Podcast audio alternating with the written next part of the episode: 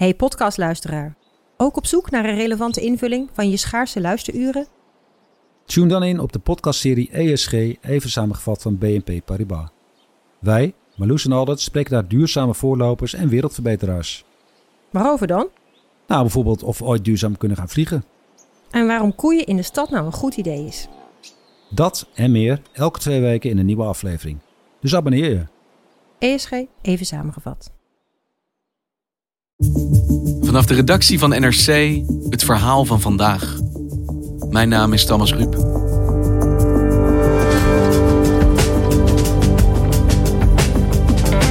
Gisterochtend werd strafrechtadvocaat Dirk Wiersum doodgeschoten voor zijn huis in Amsterdam. Wiersum verdedigde kroongetuige Nabil B., wiens broer vorig jaar ook al werd geliquideerd.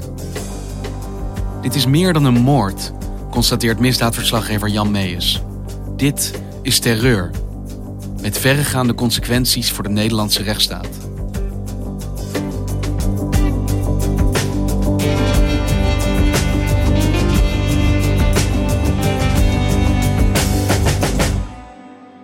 Jan, jij bent misdaadjournalist al jaren. Jij schrijft elke dag over gewelddadige personen, gewelddadige onderwerpen, voorvallen. En vanochtend bij de ochtendvergadering zei je: Nu sta ik te shaken. Mhm. Wat is er gebeurd? Ik kreeg uh, om uh, rond half negen kreeg ik uh, een serie appjes van mijn collega Wouter Laumans, met wie ik voor NRC stukken maak over de onderwereld. En het, het is dringend. En vervolgens, ze hebben een advocaat doodgeschoten. Afschuw, verbijstering en ongeloof. De moord op strafrechtadvocaat Dirk Wiersum vanmorgen voor zijn huis in Buitenveldert. Ja, ik krijg net uit betrouwbare bronnen bevestigd dat het gaat om Dirk Wiersum. Een buurtbewoner zegt meerdere schoten te hebben gehoord. De liquidatie was rond half acht vanochtend in de wijk Buitenveldert. Om drie over half acht, woensdagochtend, uh, is in Amsterdam Buitenveldert advocaat Dirk Wiersum doodgeschoten. En uh, de meeste mensen zullen hem niet kennen, maar hij was de advocaat van de kroongetuige Nabil B. Ik schrik me dood op dat moment. Want dat is namelijk een van de pijlers van onze rechtsstaat. Is dat je als je verdacht wordt van een strafbaar feit, dat je een advocaat kunt inhuren. En dat die jou bijstaat om ervoor te zorgen dat jij uh, een eerlijk proces krijgt. Zonder advocaten kan de rechtsstaat niet functioneren. En dat zo iemand dus wordt doodgeschoten, ja, dat is gewoon de zoveelste keer dat er een grens wordt gepasseerd in de periode dat ik over deze materie schrijf. Want Jan, we hebben elkaar eerder gesproken in deze podcast over deze zaak. Maar in het kort, welke zaak was deze advocaat betrokken? Nou, we hebben een grote strafzaak, die heet 26 Marengo.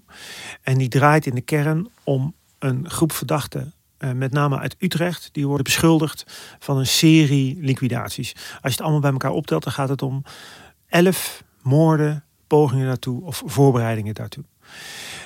In de kern van die groep staat één man en dat is Ridwan Taghi. Hij is zelf nog altijd voortvluchtig. Uh, volgens het OM betrokken bij allerlei moorden. Nou, dat was ook de reden dat uiteindelijk die kroongetuige Nabil B. naar de politie ging. Volgens het Openbaar Ministerie is hij degene die dit allemaal georchestreerd heeft. De meest gezochte man van Nederland wordt hij wel De meest gezochte man van Nederland. Overigens maakt zijn advocaat geen bezwaar tegen het noemen van zijn volledige naam. Dat doen we meestal niet, maar in dit geval dus wel. Dus dat doen we ook hier. Ja.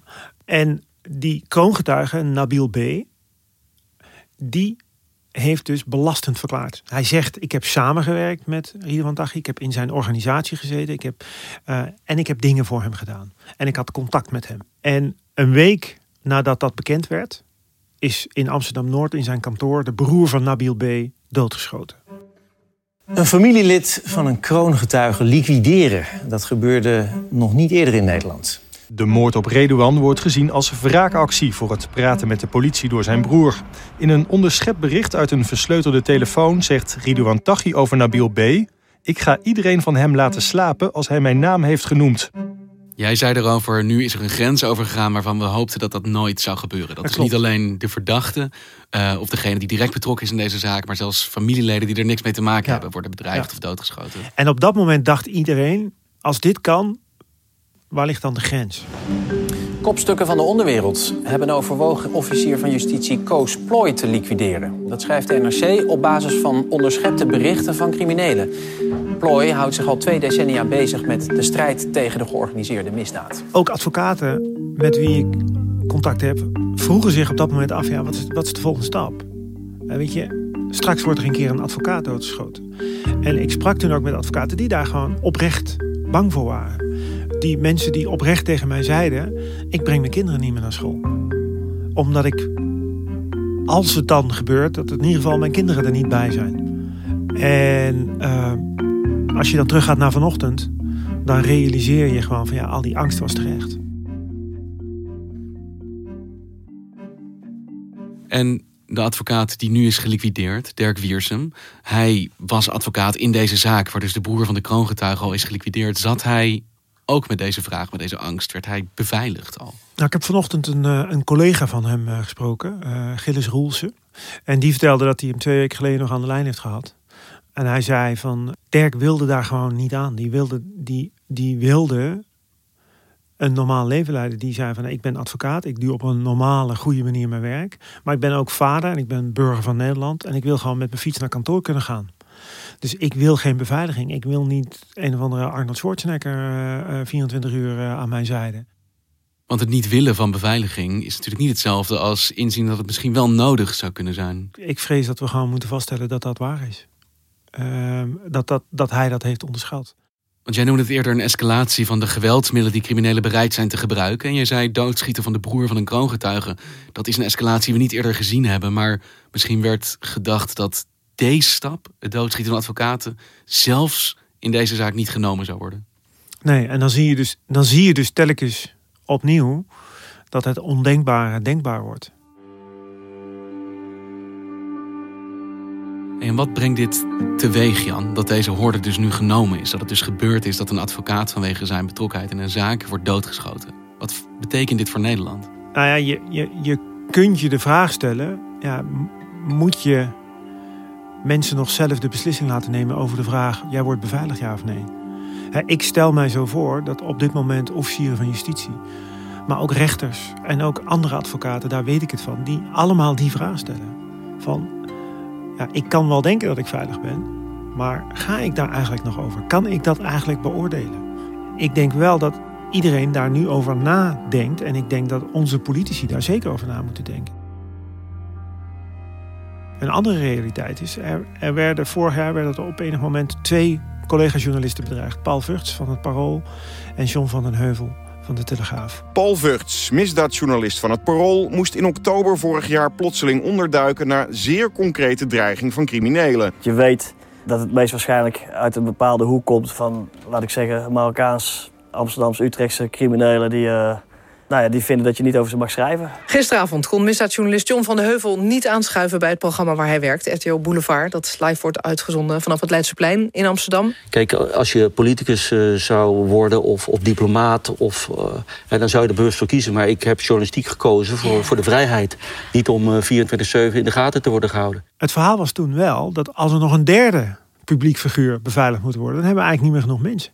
Hoeveel mensen kunnen we nu beveiligen in Nederland? Ja, Waar hebben we de capaciteit dat voor? zou ik niet weten. Maar ik weet dus wel dat toen werd gezegd van als er drie journalisten beveiligd worden, dan komen we tegen de grens van onze capaciteit aan. En dan zouden er nog een hele hoop advocaten bij komen. Nou ja, bijvoorbeeld. Of rechters. Maar zijn een soort nieuwe realiteit ingegaan? Dat we een land worden waarin die vraag gesteld moet worden. Als jij rechter bent in deze strafzaak, of als jij als advocaat deze cliënt bijstaat, dan moet je beveiligd worden. Nogmaals, of dat echt realiteit wordt is vers 2.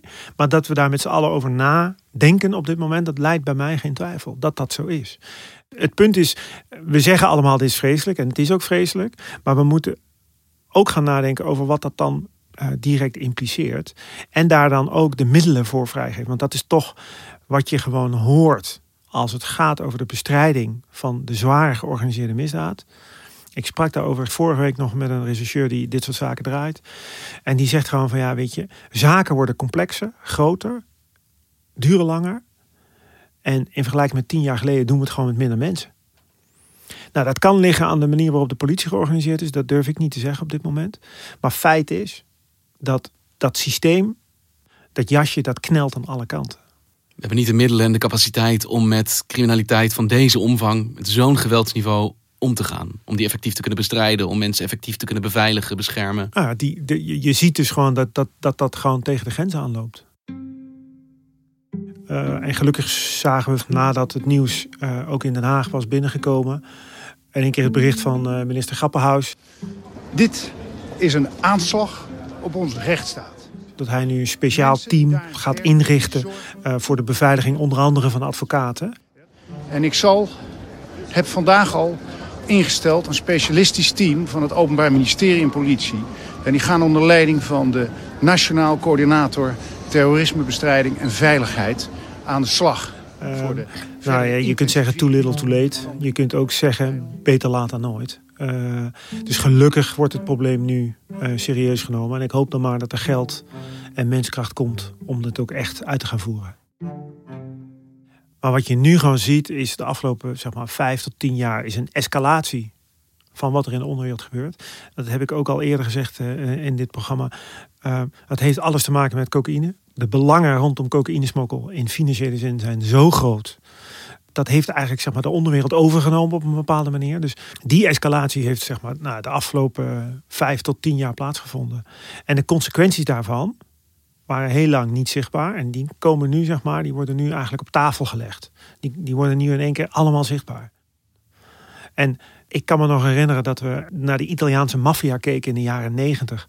En dat daar uh, officieren van justitie met bomaanslagen werden vermoord. En dat er rechters in bunkers woonden, omdat ze anders niet uh, hun werk konden doen. En zover is het in Nederland nog niet. Maar de richting is wel dezelfde. En Jan, als je als strafrechtadvocaat nu dus blijkbaar kan worden doodgeschoten puur op basis van wie jij verdedigt. Wie haalt het dan nog in zijn hoofd om een kroongetuige bij te staan? Het gaat toch invloed hebben op wie advocaten wel en niet als cliënt willen accepteren? Ja, dat, dat is gewoon een hele reële vraag. En, en, en, en um, ik, ik durf, ik heb het antwoord daar niet op. Want heb je geluiden eruit opgevangen? Want jij spreekt natuurlijk met zowel criminelen ja. als rechters als advocaten. Ik durf het bijna niet te zeggen, omdat het eigenlijk heel erg onkies is. Op de dag dat Dirk Wiersum is vermoord. Maar Nabil B. heeft een nieuwe advocaat nodig. Wie gaat dat doen?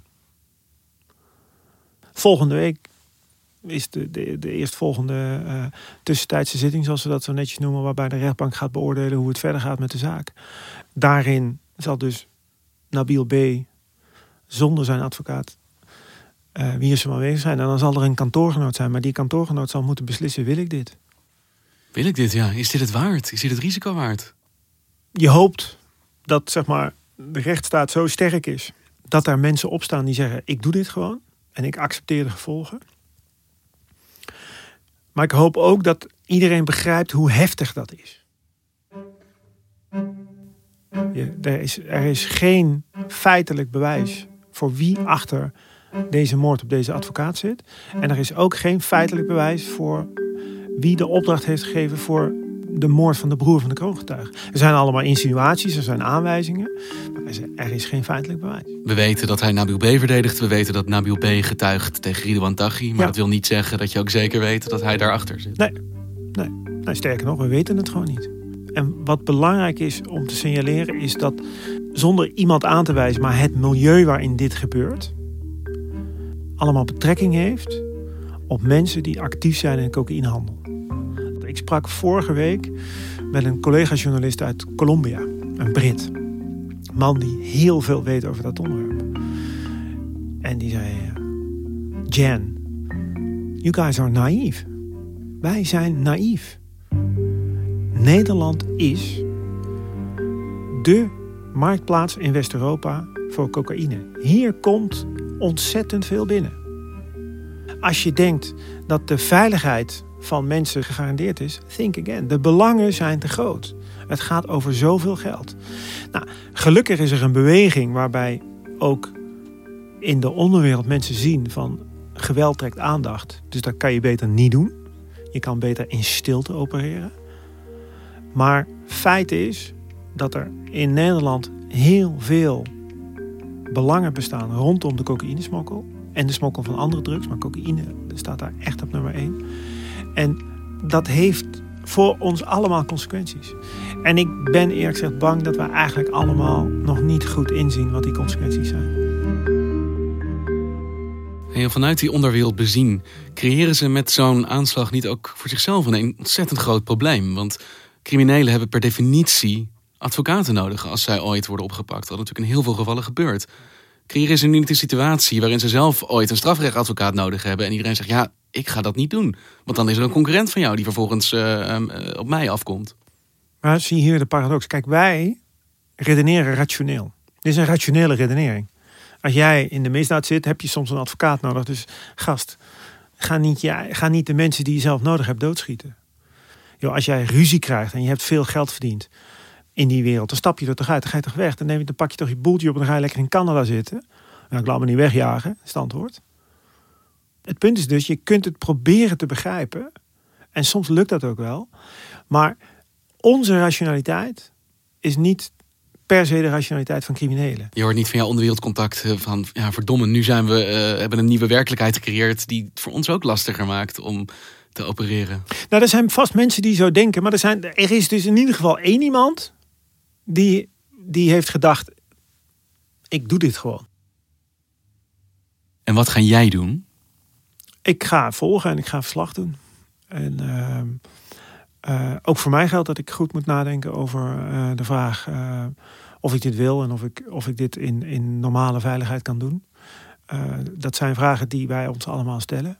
Maar verandert het voor jou iets? De manier waarop jij je werk doet, de manier waarop je je voelt terwijl je werk doet? Um, in principe niet, omdat ik hier over nagedacht heb. En um, ik, ik heb ik, ik probeer in te schatten uh, wat het voor mij betekent. En dat doe je zo goed en zo kwaad als het kan. En ik heb voor mezelf een setje spelregels en, en uh, uitgangspunten. En die bespreek ik met enige regelmaat met mijn chef en met de hoofdredactie. En op basis daarvan moeten we uh, beslissingen nemen. En het kan zijn dat er een moment komt dat ik denk van nu ben ik er klaar mee. maar dat zou, als je dat zeg maar doet in vrije wil, dan is dat prima. Maar als je dat doet omdat je denkt dat je niet meer veilig kunt functioneren, dan is dat ontzettend erg. Zijn we een andere rechtsstaat geworden nu met deze gebeurtenis? Ja, ik denk het wel. Ik denk dat op het moment dat rechters moeten gaan nadenken over de vraag: ben ik veilig? Wat is dan de impact van wat die rechter moet doen? Rechters moeten onafhankelijk een oordeel kunnen vellen. En als de georganiseerde misdaad dus angst zaait, want eigenlijk is dat wat het is. Hè? Dit is angstzaaien. Het is een vorm van terreur. Dat heeft natuurlijk gewoon, dat heeft gewoon impact. Daar moeten we niet blind voor zijn.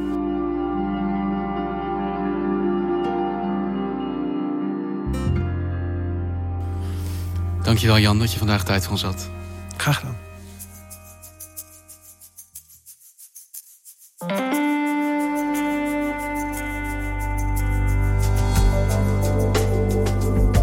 Je luisterde naar vandaag, een podcast van NRC. Eén verhaal, elke dag. Dit was vandaag, morgen weer.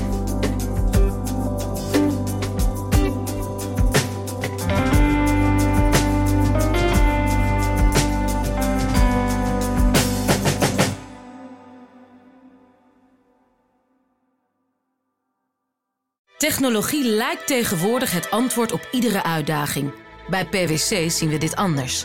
Als we de potentie van technologie willen benutten, kunnen we niet zonder een menselijk perspectief. Human-led, tech-powered noemen we dat. Ga naar pwc.nl.